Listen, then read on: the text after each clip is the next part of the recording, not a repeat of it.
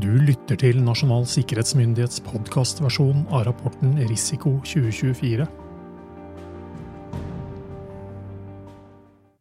Episode 3 Sammendrag Privat næringsliv har fått større betydning for nasjonal sikkerhet i lys av sikkerhetspolitiske og teknologiske utviklingstrekk.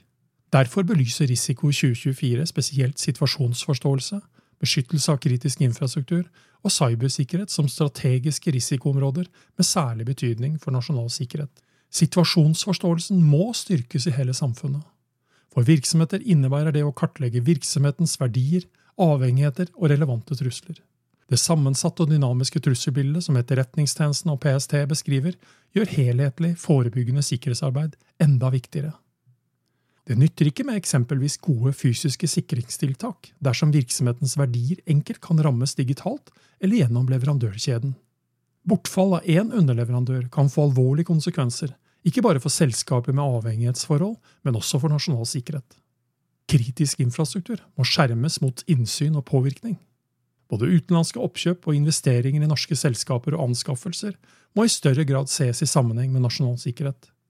Importert teknologi kan være utstyrt med skjulte bakdører eller sårbarheter som kan utnyttes. Når sluttbrukeren understøtter grunnleggende nasjonale funksjoner, kan slik utnyttelse få alvorlige konsekvenser for nasjonal sikkerhet. Den samlede nasjonale avhengigheten til land som utgjør en sikkerhetstrussel mot Norge, er en betydelig sårbarhet for nasjonale sikkerhetsinteresser. Cybersikkerheten i virksomheter og hos myndigheter utfordres av stadig mer avanserte cyberoperasjoner. Kunstig intelligens må tas i bruk for å styrke analyse og avdekking av cyberoperasjoner. Samtidig må brukere av kunstig intelligens-modeller være bevisst på sårbarheter i teknologien som kan utnyttes av trusselaktører. Kunstig intelligens gjør fabrikkerte nyheter stadig mer troverdige. Kombinert med at desinformasjon kan spres på en helt annen skala enn tidligere, utfordres grunnmuren i demokratiske styresett.